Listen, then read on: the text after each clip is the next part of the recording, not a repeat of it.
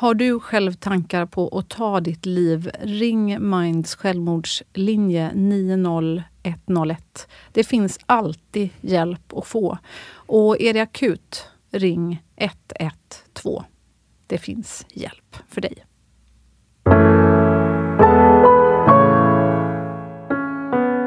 Hej och varmt välkomna till Berätta alltid det här. Jag heter Frida Boysen. Och jag heter Tilda Boysen. Och idag ska vi få träffa en helt underbar människa som kommer hela vägen från Värmland. Ja. Och det älskar vi lite extra Tilda, för vi, eh, vi gillar Värmland. Det gör vi verkligen. Men framförallt så gillar vi Marie Niljung, en livräddare som har gjort det till sin livsmission att eh, rädda människor som är med om psykisk ohälsa. Mm. Mm. Och eh, hon kommer bjuda på sina absolut bästa tips. De kommer att vara livräddande. Lyssna på det här avsnittet. Du kommer att få med dig fantastiska verktyg för hur man kan göra, säga och vara där för en människa som har de där tankarna som snurrar.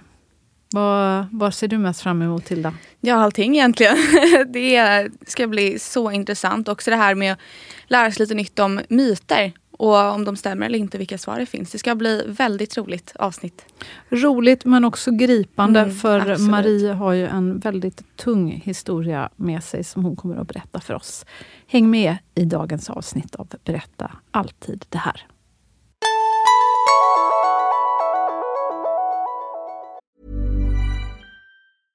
Hiring for your small business? If you're not looking for professionals on LinkedIn, you're looking in the wrong place. That's like looking for your car keys in a fish tank. LinkedIn helps you hire professionals you can't find anywhere else, even those who aren't actively searching for a new job but might be open to the perfect role. In a given month, over 70% of LinkedIn users don't even visit other leading job sites. So start looking in the right place. With LinkedIn, you can hire professionals like a professional. Post your free job on linkedin.com/people slash people today. Many of us have those stubborn pounds that seem impossible to lose, no matter how good we eat or how hard we work out. My solution is PlushCare. PlushCare is a leading telehealth provider with doctors who are there for you day and night to partner with you in your weight loss journey. They can prescribe FDA-approved weight loss medications like Wagovi and Zepbound for those who qualify. Plus, they accept most insurance plans. To get started, visit plushcare.com slash weight loss. That's plushcare.com slash weight loss. Dagens gäst är en alldeles fantastisk person och inte bara en vän, vill jag också säga, utan också författare, föreläsare och HR-konsult och expert på vad hon själv kallar psykologisk Livrädd. livräddning. Ja. Och välkommen Maria Välkommen. Tack så Ma- mycket. Det här är, känns väldigt, väldigt roligt att, att få träffas live. Ja. Ja. Faktiskt allra mest roligt att träffa dig till. Ja, Ta det inte personligt. Ja, Marie Niljung, eh, du eh, har en personlig historia som jag tänkte att du skulle få berätta idag. För du har ju mer än oss flesta varit med om eh, ja, det hemskaste som kan hända skulle jag vilja säga när det kommer till just psykisk ohälsa. Eh, och eh, du brukar inte kalla det för, för suicid, det, utan vad är det du kallar det som sagt? Jag använder det begrepp som Jan Beskow myntade som är psykologiska olycksfall.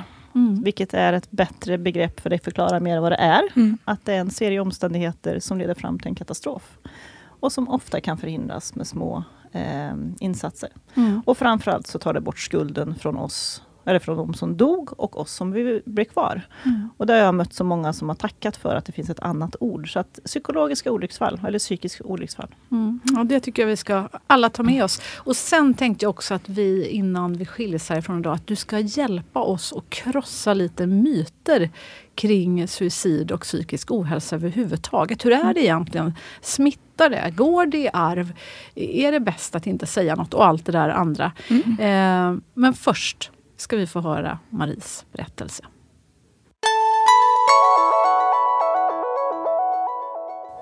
Marie, berätta, vad var det egentligen som hände din familj när det kommer till psykisk ohälsa? Ja, jag brukar säga att jag blev bra grundad i min uppväxt med kärlek och respekt och att det inte fanns någon psykisk ohälsa när jag växte upp. I alla fall ingen som jag kände till, utan den kom i mina senare tonår när min mamma var i 50-årsåldern mm. så eh, jobbade hon väldigt hårt. Hon hade många olika jobb och hon fick väl vad man idag skulle säga är en utmattningsdepression.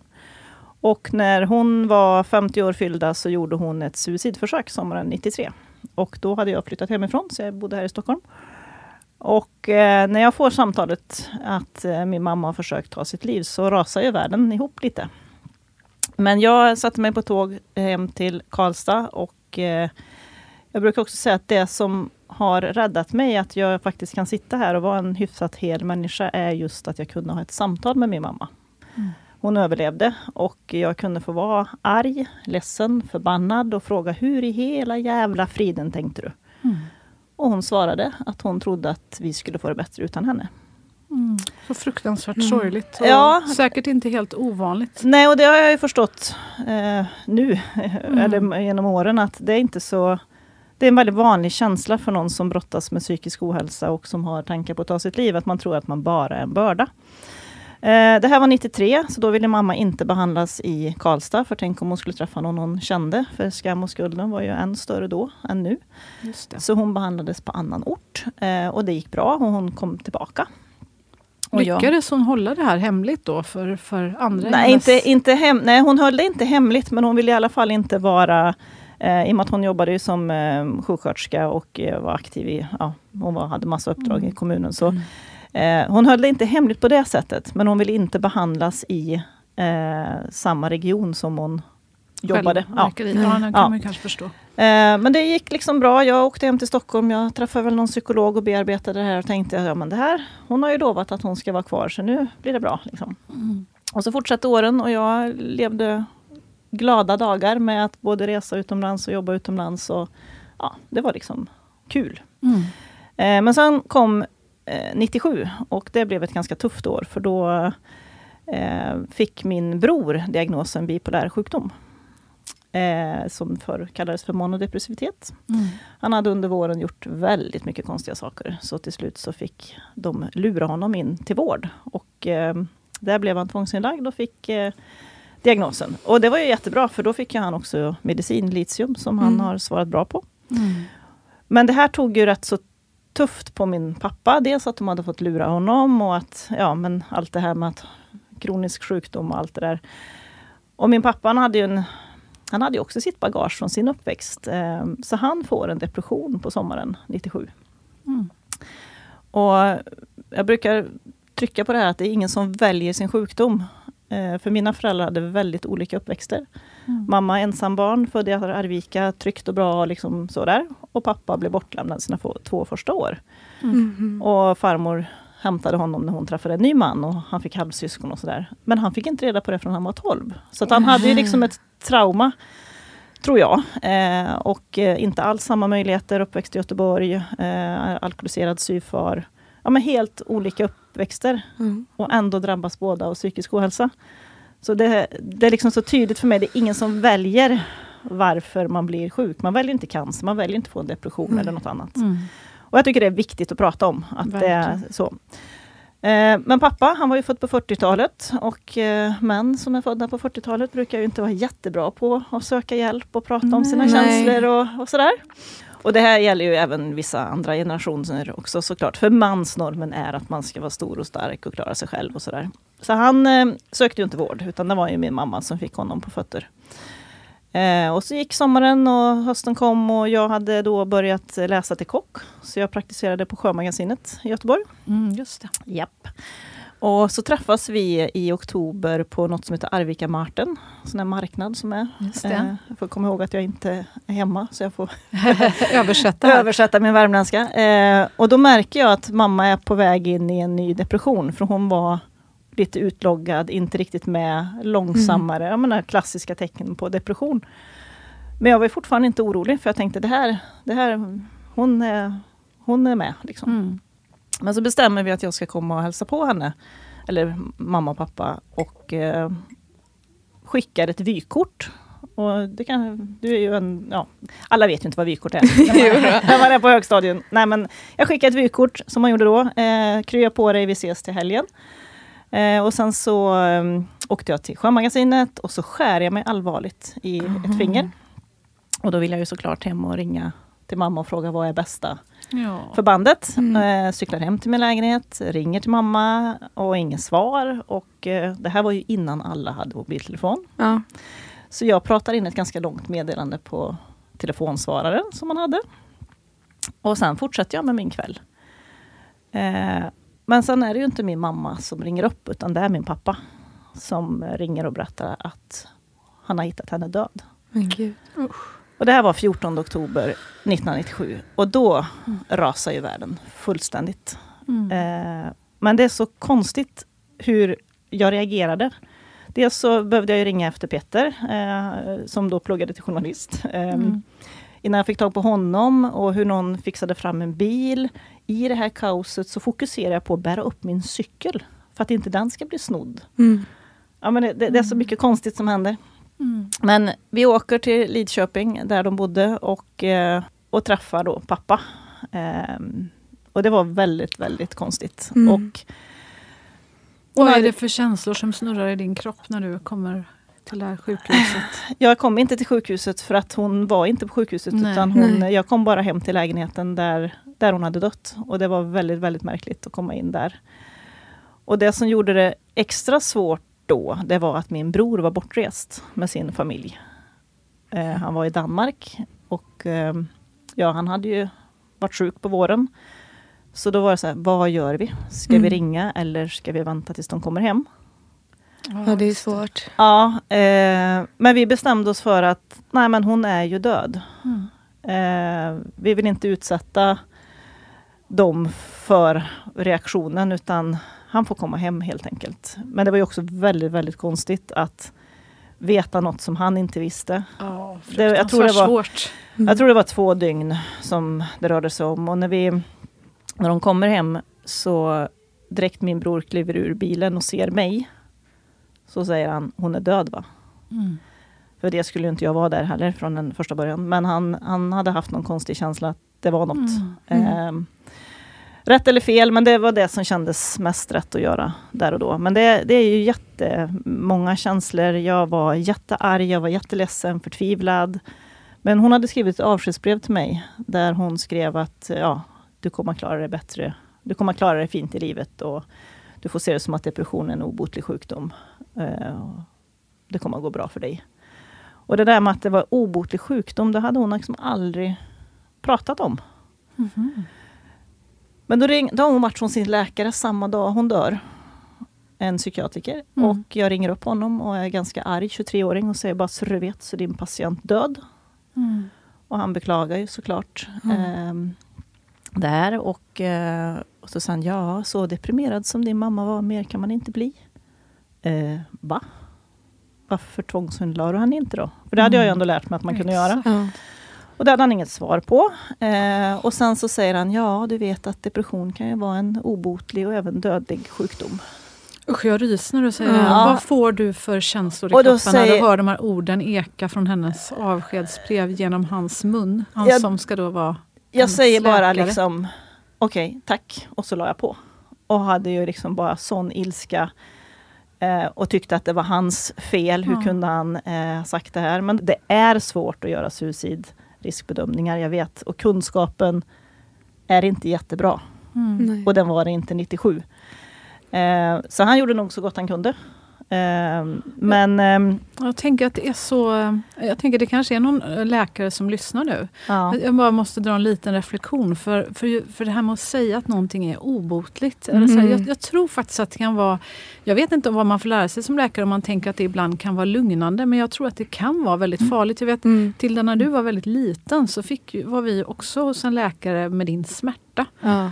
Och då kommer jag ihåg att den läkaren sa, ja du Tilda, alltså du får nog vänja dig med den här smärtan för det här, det här kommer du ha i resten av ditt liv. Mm. Mm. Och säga så också till ett, Mm. oavsett Mm. egentligen om man är en liten flicka eller om man är en kvinna i 50-årsåldern. Det, det är fruktansvärt. Det är ju Ja. som att kanske Mm. få känna att man får en dödsdom. Jag vet inte, Mm. vad kände du till när du fick ett sånt besked?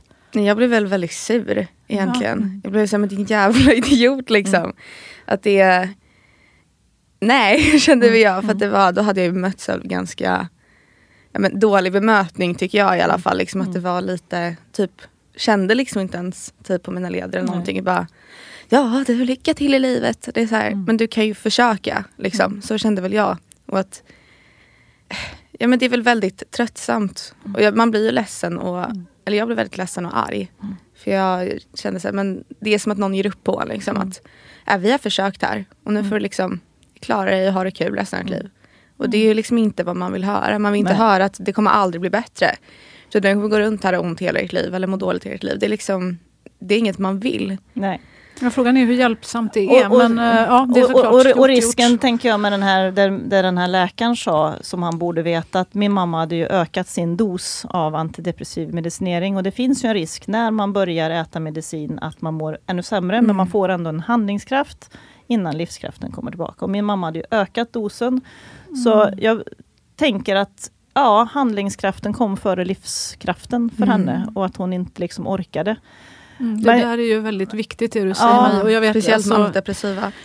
Precis, så du, du är ju ute som jag nämnde inledningsvis och föreläser Mm. jättemycket och jag har ju hört det flera gånger Maria och jag vet, jag vet Mm. hur viktig du är och hur många liv du räddar där ute på riktigt. Eh, men, eh, men det är så viktigt det du säger där. Det är kanske inte alla som vet som Nej. lyssnar. Just det du säger att om man får den här medicineringen ökad, att man får mer ork. Mm. Och tyvärr kan ju den ibland då bli farlig om man Ja. snurrar omkring med de här Mm. väldigt hemska tankarna om att man bara är andra till last som Ja. din mamma verkade känna. Ja, och lider man av en depression så kan man ju också även få tappa livslusten, för det är en Mm. del av sjukdomen. Eh, så att det är en risk och då behöver man vara lite uppmärksam om man någon har börjat äta medicin. Ja, det måste ju vara väldigt bra kontroller. För det är också vanligt att Ja. antingen när man börjar ta den här att man Mm. får också suicidtankar Mm. som en liksom biverkning. Så det är väldigt viktigt att ha bra kontroller och se Mm. att det funkar. Jo, att också omgivningen känner till det här så att man Ja. kan vara lite mer uppmärksam. Eh, få vara Precis. lite mer på, Mm. eh, helt Men, enkelt. men du, hur, hur var det med det? Vad, vad, tror du att din pappa, vet du det? Om, om han fick en massa information från... nej. Nej. Nej, nej, nej, nej. Eh, det tror jag inte han fick. Eh, Och det tror jag tyvärr kanske kan vara ganska vanligt fortfarande idag. Att anhöriga och familjer Mm. runt omkring en människa som lider av allvarlig psykisk ohälsa, depression, kan vara väldigt, väldigt farligt. Mm. Mm. Att man inte känner till Nej. vad man ska vara, ha uppsikt på. Den som lever allra närmast. Jag Mm. menar, din mamma levde ju Mm. med din pappa Mm. vid den här tiden. Mm. Så Mm. ja, Men- det är mycket vi kan lära av, Ja. av de här historierna, för det är ju det vi kan göra. Ja, Mm. och någonstans så har väl jag någon, eh, jag tror att jag har min, min mormor Astrid på axeln som var en klok person och gav mig styrka att ja, men det här kommer ju inte hjälpa mig att jag lägger skulden på den här läkaren. Nej. Nej. Utan jag måste ju göra saker för att eh, må bra själv. Så att eh, jag fick ju söka all terapi Mm. på egen hand. För det var ju inte så att det kliver in något och stöttar en när man har förlorat sin mamma. Eh, så det, det Hur gammal var du? jag var, skulle fylla 24. 24. Eh, Mm. Ung. ung, ja. Eh, Hur skulle- var det för dig att förlora din mamma på det här viset som 24-åring? Vad var det för känslor? Ja, det var många. Eh, men framförallt en sorg över att hon inte skulle få vara med och, och liksom att vi inte skulle få uppleva mer saker. Mm. Eh, jag skulle ju som sagt bli kock. Jag hade massa idéer om, om eh, jag skulle ha krog innan jag var 30 och den skulle vara, ja så. Mm. Mm, så att det fanns ju, det var en sån, sån här sorg över vad mycket hon inte fick vara med om. Den, den kan jag ju känna, nu blir jag berörd för sån är jag, det vet du. Mm. att, att inte hon fick träffa mina barn. Mm. Nej. Som är så fina. Mm. Ja, det är sorgligt. Så här är det när man har mig på besök, då blir det både tårar och Ja, skratt. jag ser på Eh, den. ja. Ja. Ja, men jag förstår dig. Det, det är fruktansvärt Ja. sorgligt. Att man inte fick träffa sin mormor. Och, så jag, jag valde ju att liksom aktivt hantera eh, och bearbeta min sorg. Och jag hade ju också det här, jag bar ingen skuld. För jag hade på något vis förstått att det här är en sjukdom. Mm. Och det var ju tack vare det här samtalet jag hade med mamma. Jag hade inga frågor. Jag förstod att nej, men hon orkade inte mer. Eh, så det har jag liksom, är väl lite ovanligt att jag inte har burit på någon skuld över Mm. att hon dog. Att jag hade kunnat gjort något mer. Utan det har jag varit fri från och det har ju varit väldigt skönt. Mm. Min pappa däremot, han, han gick ju i både depressioner, i och ur depressioner och relationer. För han var ju urusel på att leva ensam. Mm. Ehm, så det var ju nästan tuffare att hantera det och så skulle vara en eh, duktig flicka och han, hantera alla möjliga människor och eh, min morfar. Och, ja. Men då träffade jag en terapeut som sa något väldigt fint och den ska jag dela med mig. Att generationer är som stenar i en liten bäck och så Mm. rinner det neråt. Mm. Längst upp ligger din morfar eller i stenen och sen kommer din pappa och sen kommer du. Det är liksom inte naturligt att du som ligger längst ner ska upp och hjälpa den som är Nej. längst upp, utan dens livskunskap och klokskap ska liksom sippra över. Sen ska man såklart hjälpa varandra, men det där har varit hjälpsamt för mig. Mm. Att inte försöka Ta ansvar. ta för- ansvar Nej. för det, Nej. utan det ska gå åt andra hållet på något vis. Mm. Fin Eh, tanke. Mm, Ja, den hjälpte mig eh, att inte slå knut på mig att lösa och eh, ta hand om allt och alla. Men den är fin att ha med sig. Så, så är det någon som håller på att slå knut på sig för att fixa allt och alla med alla generationer innan, så nej, du ska hjälpa nästa liksom, på något vis. Så. Precis. Eh, så min pappa han, han eh, sökte ju inte hjälp för sina Mm. utmaningar och eh, han gjorde en del suicidförsök som jag kände till och sådana som jag inte Mm. kände till.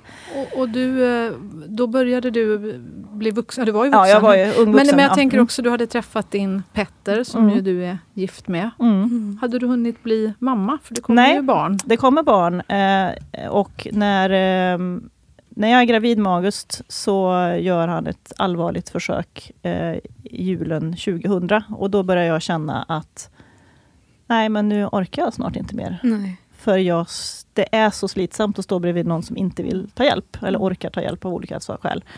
Så någonstans där börjar jag känna att nu vet jag inte riktigt hur det här ska gå. Eh, men han fick ju hjälp för sina rökskadade lungor, men inte för varför han hade hamnat där. Mm. Skrevs ut och så, ja.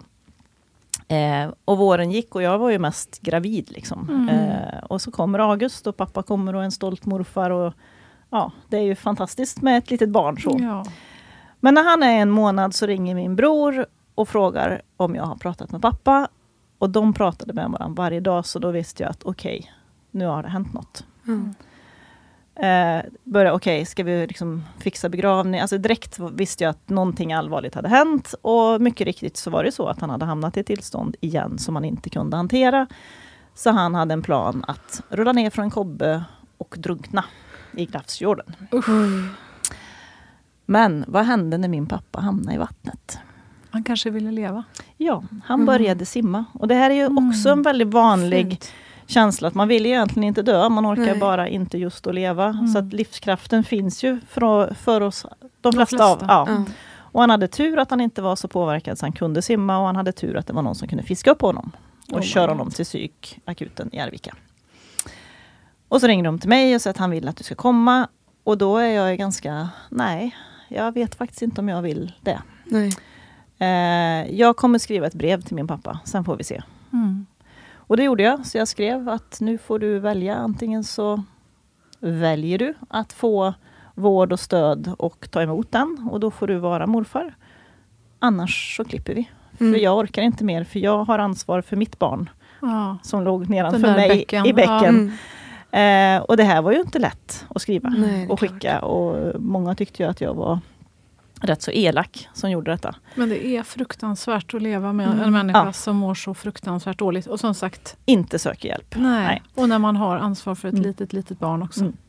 Men då svarade ju min pappa på det där brevet, tack och lov. Säkert det längsta brev han har skrivit. Eh, eh, jag vet tyvärr inte vart det finns eh, bland alla lådor. Men, eh, och han valde ju att ta emot hjälp och fick också diagnosen bipolär sjukdom vid 60-årsåldern. Mm. Gud vad fint. Ja. Ja. Fantastiskt. Tänk Så- vad det är lätt ibland för andra att döma. Men det, Mm. du kände ju din pappa. Du hade Mm. redan försökt på alla vis att prata med honom och det Ja. funkade ju inte. Nej. Nej. Så jag fick ställa ett ultimatum, det fick bära eller brista. För, men för mig var det så tydligt att jag orkar inte mer, för att jag Nej. har ansvar för någon annan. Sen är det ju sorgligt att inte vården hade fångat upp det här med bipolaritet i och med att det finns i släkten och sådär. Men, ja, och som tur var så som sagt fick han ju hjälp och han blev ju världens bästa morfar för mina barn. Så det var fint. Eh, väldigt härligt och sen träffade han Annie 2002 och liksom det börjar liksom bli bra och vi får Herman och, Mm. och eh, vi bestämmer oss för att flytta till Värmland. Ja, men så här, fan, nu, Mm. gött. Nu går det bra. nu går det bra. Jag kom in på personalvetarlinjen för då hade jag varit färdig som kock. Ja. Ehm, och, men då får min pappa tjocktarmscancer på våren 2005. Aj, aj, aj. Ja, då tyckte jag att livet var rätt orättvist. Mm. Tyckte att vad fan, har vi inte fått nog i den här Nej. familjen? Men ehm, det fick han. Eh, och han opererades och ehm, det gick bra. Mm. Men eh, att äta litium kan påverka magen, att det blir lite oroligt och att ha opererats för den typen av cancer är heller inte alltid så bra för magen. Så han var lite bunden av en toalett. Mm. Eh, och min pappa var en sån gubbe som gillade att åka på trav och ut och tjata med folk och liksom, ja, Mm. var ute mycket. Mm. Och inte så sugen på att vara beroende av en toalett. Och ehm, så tror jag han tänkte att jag mår så bra nu så jag behöver inte den där medicinen. Mm. Så någon gång under 2006 så slutade han äta litium. Och då i hopp om att hans, mage skulle bli bättre, att han skulle kunna få leva ett aktivt liv Ja. som han gillar. Liksom. Ja, Mm. och det här berättar han ju inte för någon. Nähä. såklart att han gör. Eh, och länge så klarar han sig ju. Vi vet ju inte riktigt när han slutade, men så får han en ny depression i oktober 2006. Som, då blir han riktigt, riktigt dålig och vill inte prata med mig, inte med någon, utan jag har liksom bara kontakt med Annie. Eh, och han har ju läkarkontakt, men oklar, han, han går i alla fall inte i någon terapi. Eh, Mm. så. Men så har man småbarn så blir de sjuka och jag hade någon tenta och jag behövde barnvakt. Så jag ringde till pappa i november, för han brukade ofta vara barnvakt hos oss. Mm. Och frågade, skulle du kunna komma? Mm. Och så säger han ja. Och jag bara, Mm. gud vad skönt, Mm. nu har det liksom vänt. Nu är det, Nu är det bra igen. nu är det bra igen. Ja. Ja, och pappa kom och han var barnvakt och han eh, lekte och han grejade och gjorde korvstroganoff och sånt där som barnen älskade. Och jag drar bara en lättnadens suck. Mm. Tänker bara, gud vad skönt. Mm. Och så åker han hem och så, ja. Men sen ringer Annie lördag den 18 november och säger att nu har det hänt. Nej. När hon ringer till mig så är pappa på väg i en ambulanshelikopter till Oslo. För han, de bor nära norska gränsen och man dödförklarar ingen kall person. Eh, han hade inte kommit in efter att släppt ut hästar och får. Som man brukade göra, för hon Mm. gjorde i ordning frukosten. Så Annie fick gå ut och leta efter honom och hittar honom i vattnet. Och där får hon stå och skrika på hjälp, för det är på vischan. Mm. Eh, så hon skriker så mycket så att hon pajar sina stämband så hon kan inte längre sjunga i kör. Gud. Mm. Det är... Men på något vis så kommer det till slut hjälp och eh, han körs iväg och sen så ringer hon tillbaka till mig och då så var han ju död. Eh, och eh, ja, världen Ja, rasar igen. Åh, man tänker, Eh, oj, oj, oj. Fast samtidigt så kände jag, när hon ringde första gången och sa att det här har hänt, så kände jag, rädda honom inte för han vill inte bli ett paket. Det var liksom, min, Mm. han, han orkar inte mer. Eh, det var min första liksom känsla, att låt honom vara. Mm. Ehm, och det kanske är konstigt att ha den känslan, men det var det jag hade, att nej, han, Mm. han, han, det hade inte blivit bra. Mm. Ehm, och han hade ju gjort som vanligt även när han åkte hem från oss. Så Annie misstänkte ju ingenting. Och det här är ju en jätteviktig grej att vara medveten om. Mm. Att när man har någon som har haft en tung period med depression eller annat och sen plötsligt verkar glad Mm. så är faran över. Nå, det kan vara, det kan ju såklart vara så att personen mår bättre. Mm.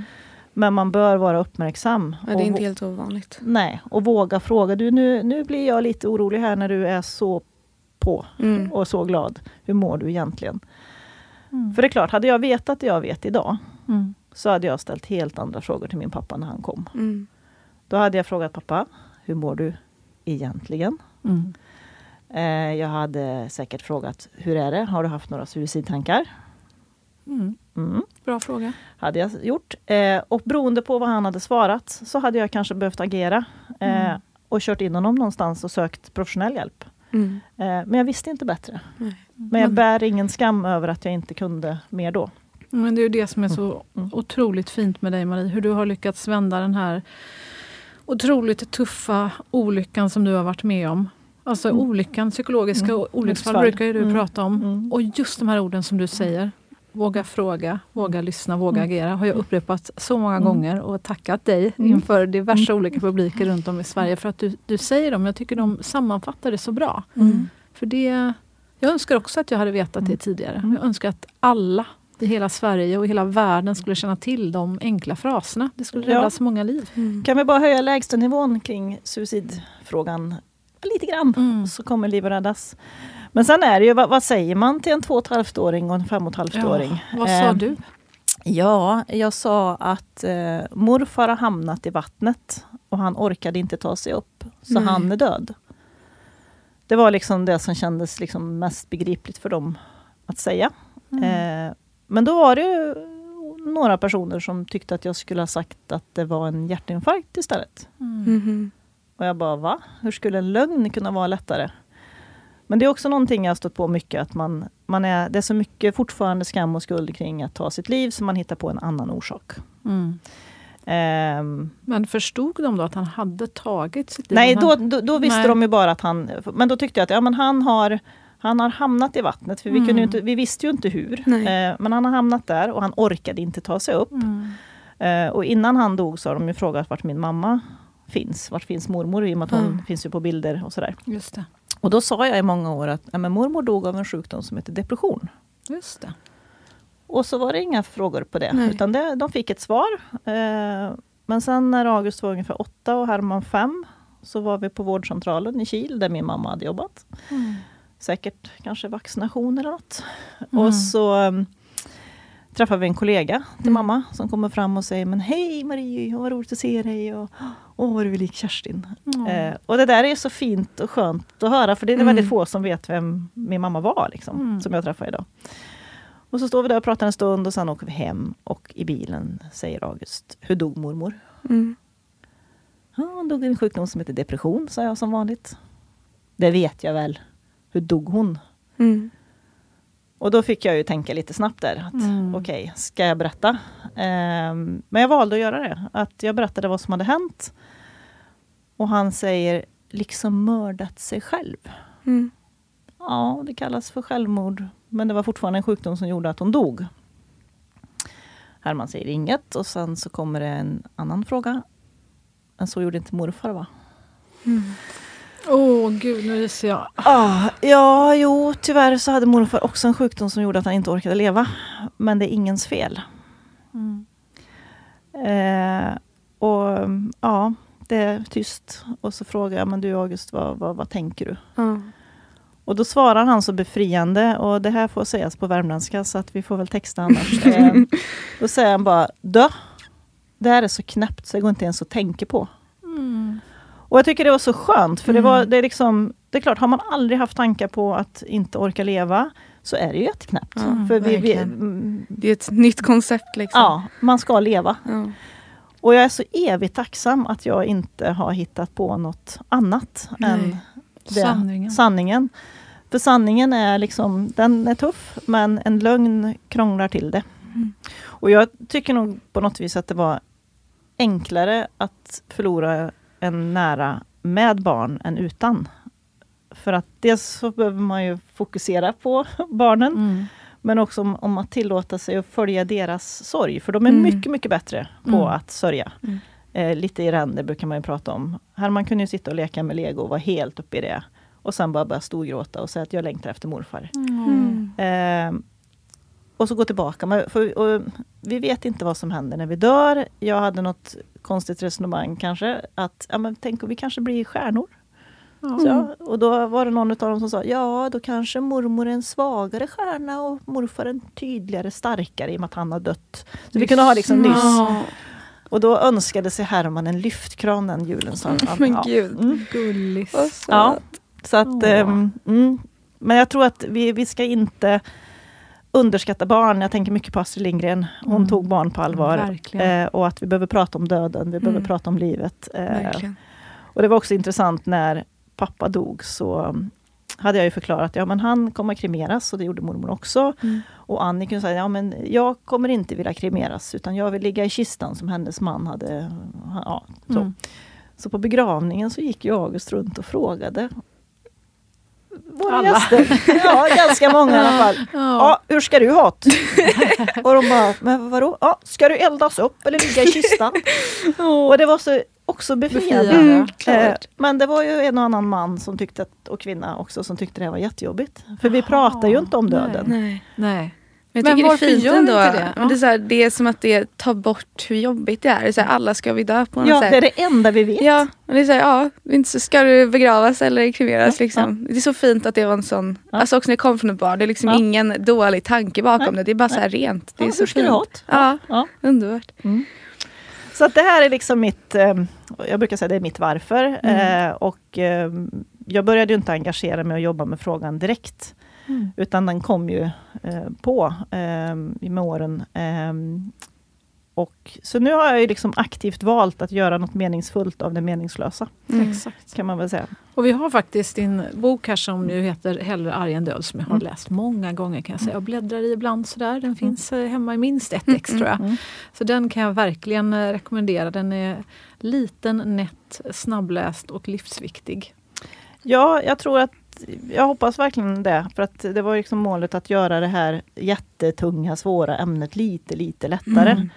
Ehm, Förresten, vad menar du med hellre arg än död? Bara så att alla förstår. Ja, eh, den, eh, när vi höll på skrev den här, eller jag skrev den här boken och mina förläggare så ja, men vad ska den heta då? För jag var inne på att den skulle heta någonting med psykisk livräddning. Och så, så hade jag väl på något ställe berättat om en eh, föreläsning där jag hade fått en fråga eh, från någon i publiken. Så, men, men, men, vad, men ska man verkligen hålla på och fråga då? Tänk om någon Mm. blir arg? Ja, ja, hellre arg än död, sa jag då. Mm. För det, så, ja, det jag menar med titeln är att vi ska våga fråga Mm. även om vi riskerar att människan blir arg. Eh, och det, ja, det är väl det att våga fråga Mm.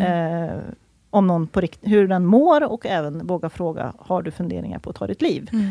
Och skulle man göra någon illa eller trampa någon på tårna, ja men då får man väl be om ursäkt då. Ja, det är ju något som går att Ja. komma över. Liksom. Döden är ju slutgiltig på något sätt. ja, och det behöver vi också prata om att den är på riktigt. Mm. Eh, Vi vet inte vad som händer, men man kommer inte tillbaka hit. Mm, precis. Hur gör du då? Idag så är du ute och jobbar mycket som eh, föreläsare. Du pratar Mm. om de här frågorna. Ibland är du inne i företag och Mm. hjälper till. Mm. Hur ska man hantera när någon Mm. mår, mår psykiskt dåligt? Eh, Och så vidare. Vad, ska vi gå igenom några av de här vanligaste myterna kanske som finns kring psykisk ohälsa? Ehm, hur är det nu? Ehm, smittar, eh, smittar självmord? Eh, det kan det göra om vi inte pratar om det på riktigt. För den allra, allra farligaste myten om det här är ju att vi inte ska prata om det. Väck inte den björn som sover. Precis. Det har ni tagit upp i tidigare Mm. avsnitt har jag hört. Eh, för om det händer, för det, det, det är klart att det finns eh, händelser där flera ungdomar framförallt har tagit sina liv efter varann. Eh, och jag, ska, jag är inte hundra säker på exakt eh, alla mm, faktorer som spelar in, men att inte prata om varför, varför hamnar den här personen i det här läget. Man behöver prata om det och man behöver få då framförallt unga att dela med sig av sina tankar. För det är ju heller inte farligt att ha suicidtankar. Det är inte farligt att tänka på döden. Det behöver vi liksom, det är det inte. Men man får inte låta dem stanna i sitt huvud så de går till, över till handling. Nej. Eh, Så det finns en viss smittorisk, absolut. Men den allra farligaste är att vi inte skulle prata om det. För det är ju inte så att man ger någon en bra idé om jag frågar dig Frida, Mm. funderar du på att ta ditt liv? Så är det ju inte. Nej. Utan det är tystnaden som är det farliga. Mm. Så det, det, att vi pratar om, att ni har bjudit in mig, att Mm. vi pratar om det, och att ni Mm. gör den här podden. Mm. Det är livsviktigt. Mm. Ehm, Vad finns det mer för vanliga myter som du springer på när du är runt i Sverige och pratar om de här viktiga ämnena? ja, det går inte för att hindra någon som har bestämt sig. Nej just det, den är ju Mhm. vanlig. Ja. Berätta om den. Eh, Ja. Vad tänker folk då? Att nej, det fin- finns ingenting den man kan faktiskt göra. aldrig hört, så jag är väldigt Nej, intresserad. Eh, ja, och myter är ju lite det där att det är ett skydd för sig själv. Ja. Eh, och jag trodde själv på många av myterna innan jag lärde mig mer om detta. Mm. Jag kunde ju säga, säga, själv säga att ja, men det, det, var ju, alltså, det gick inte att hindra mamma, hon hade ju bestämt sig. Eh, eh, men sanningen är ju det att så länge någon lever kan vi göra något. Mm. Eh, det kan ju vara rent aktivt att, att eh, förhindra att någon... Eh, man ska ju inte utsätta sig själv för fara, men jag, jag tror att jag skulle hålla i någon om någon stod vid en bro. Mm. Eller aktivt köra in någon till psykakuten, eller ringa till eh, efter hjälp. Att faktiskt göra något. Våga och- agera. Våga Mm. agera. Och då kan faktiskt frågan, funderar du på att ta ditt liv?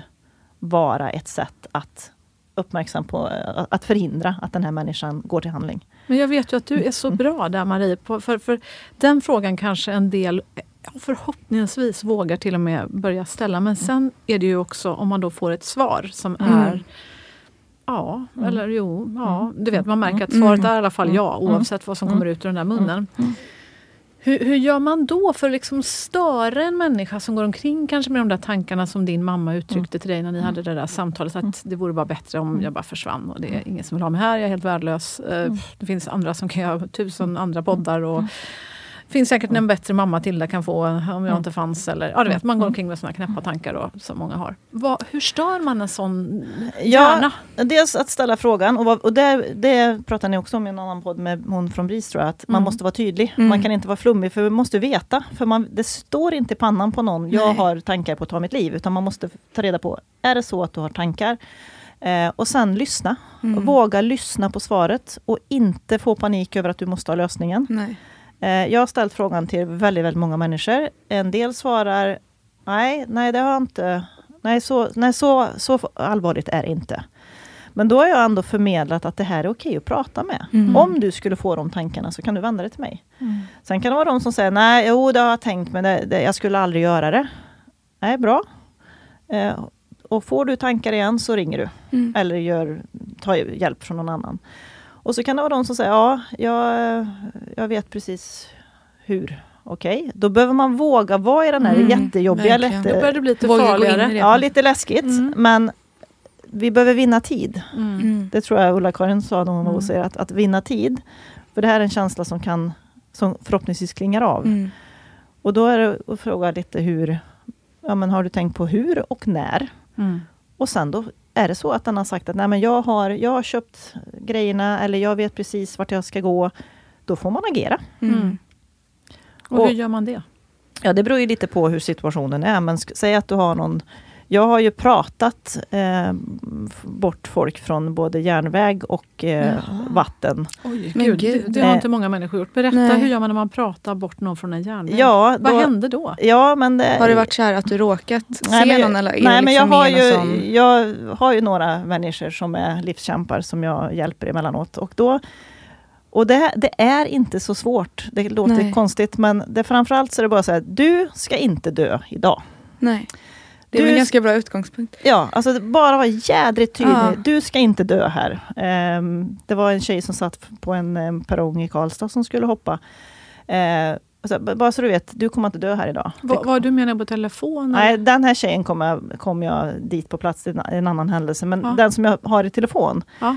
Då börjar jag allt med, du ska inte dö idag. Är, är, det, sitter den här människan på rälsen då? Eller vart är den här Ja, den människan? kan stå, kan stå på rälsen, kan vara vid ett Ja. vatten eller så. Vid en bro eller något. Eh, du ska inte dö och nu vänder du om och går hem. Då är jag ganska skarp. Mm. Du går hem. Och så kan det oftast vara så att det är mycket ångest. Ja, då andas vi. Mhm. Att liksom få ner andningen. Um, an, följ min andning in, ut.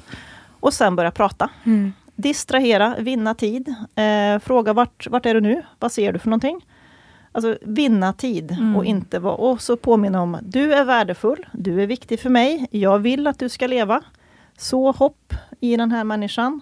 Och sen är- vara stönig som man säger på värmländska, alltså envis och inte ge sig. Utan. Ja. Ja, och ibland kan man säga väldigt konstiga saker. Att nej men du får fan inte dö för du har lovat mig att fixa den här kakan inför den här festen. Ja. Jaha. Alltså, ja.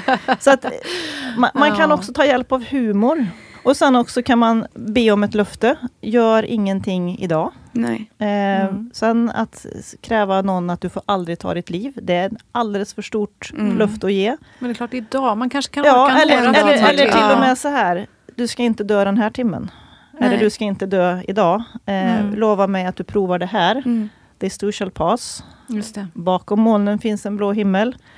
Så det, det, det är liksom att verkligen vinna tid och så hopp. Men jag hörde en, var en man som berättade att han hade jobbat på ett eh, HVB-hem för ensamkommande och de hade en akut situation eh, där han satt med en ung eh, kille som var så övertygad om att han inte skulle leva. Och så säger den här mannen men du, ska du dö oskuld? och han kom ju helt av sig. Så jag tror att man, man behöver ta hjälp av lite sådana där andra saker. Mm. Eh, och inte vara så rädd för sin egen rädsla. Ehm, så. Sen är det, det är klart, jag har ju tränat en hel del genom Mm. årens lopp. Men, men att våga göra något. Det kan bli fel, du kan säga något klumpigt, något dumt. Men då kan du be om ursäkt. Mm. Mm. Men ge den här människan en känsla av att du är viktig. Mm. Eh, och det skulle bli så jädra tufft om du försvann. Mm. Om du tar ditt liv nu så blir det överjävligt.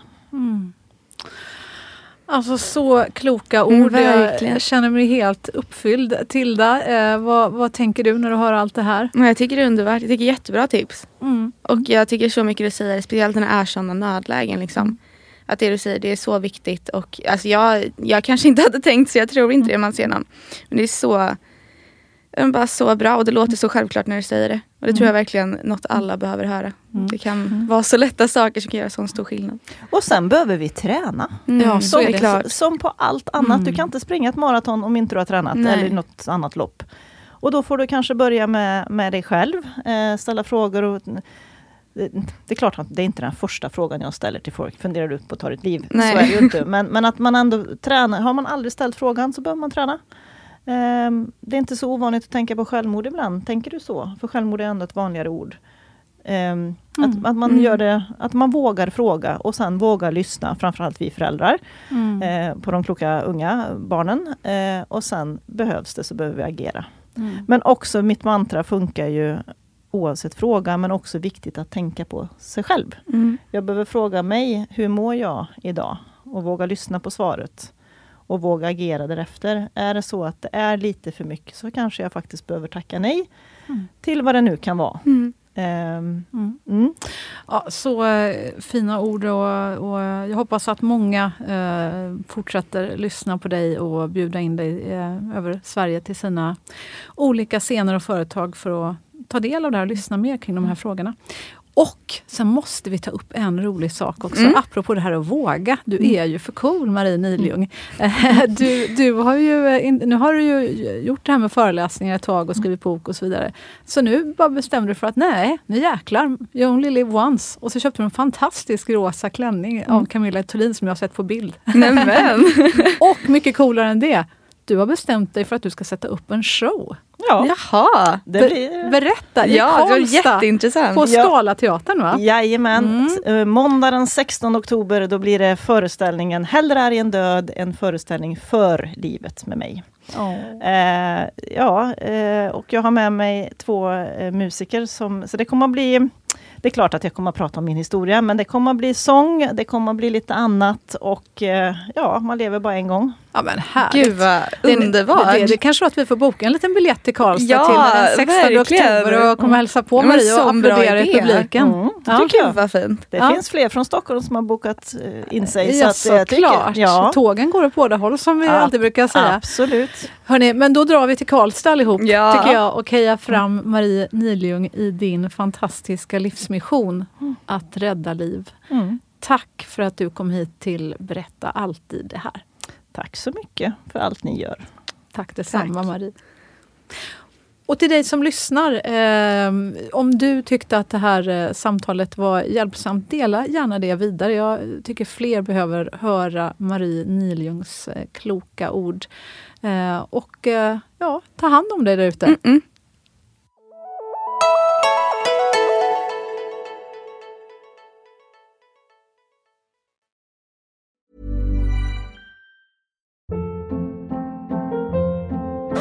Hold up. What was that? Boring. No flavor. That was as bad as those leftovers you ate all week. Kiki Palmer here, and it's time to say hello to something fresh and guilt-free. Hello Fresh. Jazz up dinner with pecan-crusted chicken or garlic butter shrimp scampi. Now that's music to my mouth. Hello Fresh. Let's get this dinner party started. Discover all the delicious possibilities at hellofresh.com. If you're looking for plump lips that last, you need to know about Juvederm lip fillers. With Juvederm Volbella XC and Juvederm Ultra XC, your lip look, whether it's subtle or bold, can last up to one full year with optimal treatment and no additional maintenance. Find a licensed specialist and see if it's right for you at juvederm.com today. That's J U V E D E R M.com. Add fullness to lips in adults over 21 with Juvederm Volbella XC or Juvederm Ultra XC. Do not use if you have severe allergies or a history of severe allergic reactions, or if you're allergic to lidocaine or the proteins used in Juvederm. Tell your doctor if you have a history of scarring or taking medicines that decrease the body's immune response or that can prolong bleeding. Common side effects include injection site redness, swelling, pain, tenderness, firmness, lumps, bumps, bruising, discoloration, or itching. As with all fillers, there's a rare risk of unintentional injection into a blood vessel, which can cause vision abnormalities, blindness, stroke, temporary scabs, or scarring. For full important safety information, visit juvederm.com.